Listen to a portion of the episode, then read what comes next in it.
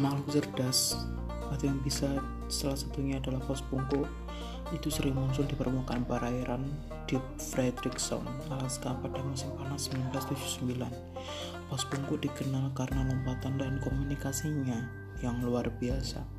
Bobot rata-rata pos bungkuk 50 ton dan panjangnya sampai 15 meter.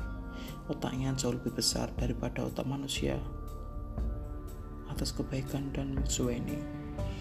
Kemudian kebiasaan dari pos bongku yaitu menangkap mangsa, mangsanya dengan balik, caranya dengan membuka mulut lebar-lebar. Kemudian paus bongku akan menunggu airnya, lantas apabila ia mendapatkan mangsanya, air yang telah ia tunggu dimuntahkan. Kadang-kadang hewan ini melompat-lompat dan menepas air dengan